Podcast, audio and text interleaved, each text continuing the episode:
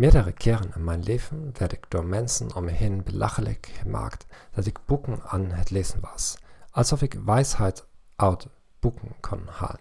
Hun argument was dat ze veel verder waren dan ik, omdat ze niet uit boeken leren, maar uit het leven zelf. Ze leren door met interessante mensen te praten en over hun levenservaring te horen. Op dat moment dacht ik dat ze me manipuleerden door een valse tweedeling te creëren. Ik geloofde dat wijsheid kan worden verkregen uit zowel boeken als het echte leven. Ik dacht ook ten onrechte dat ze nogal arrogant waren omdat ze dachten dat ze betere denkers waren dan de grote filosofen. Ik dacht, boeken zijn niets anders dan een geschreven gesprek met een geweldige auteur.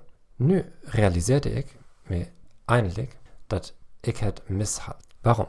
Ten eerste, de meest interessante en intelligente mensen in de geschiedenis van de mensheid leven nu toevallig. En de meesten van hen wachten gewoon om hun ervaringen met mij persoonlijk te delen. En mensen zijn gewoonlijk veel beter in het systematiseren en overbrengen van hun gedachten wanneer ze spreken, dan wanneer ze boeken schrijven en nutteloze uren besteden aan het maken van aantekeningen en bewerken van teksten. En alle klassieke auteurs missen intellectuele diepgang omdat ze niet alle afleidingen van het internet hadden om hun gedachten beter te concentreren.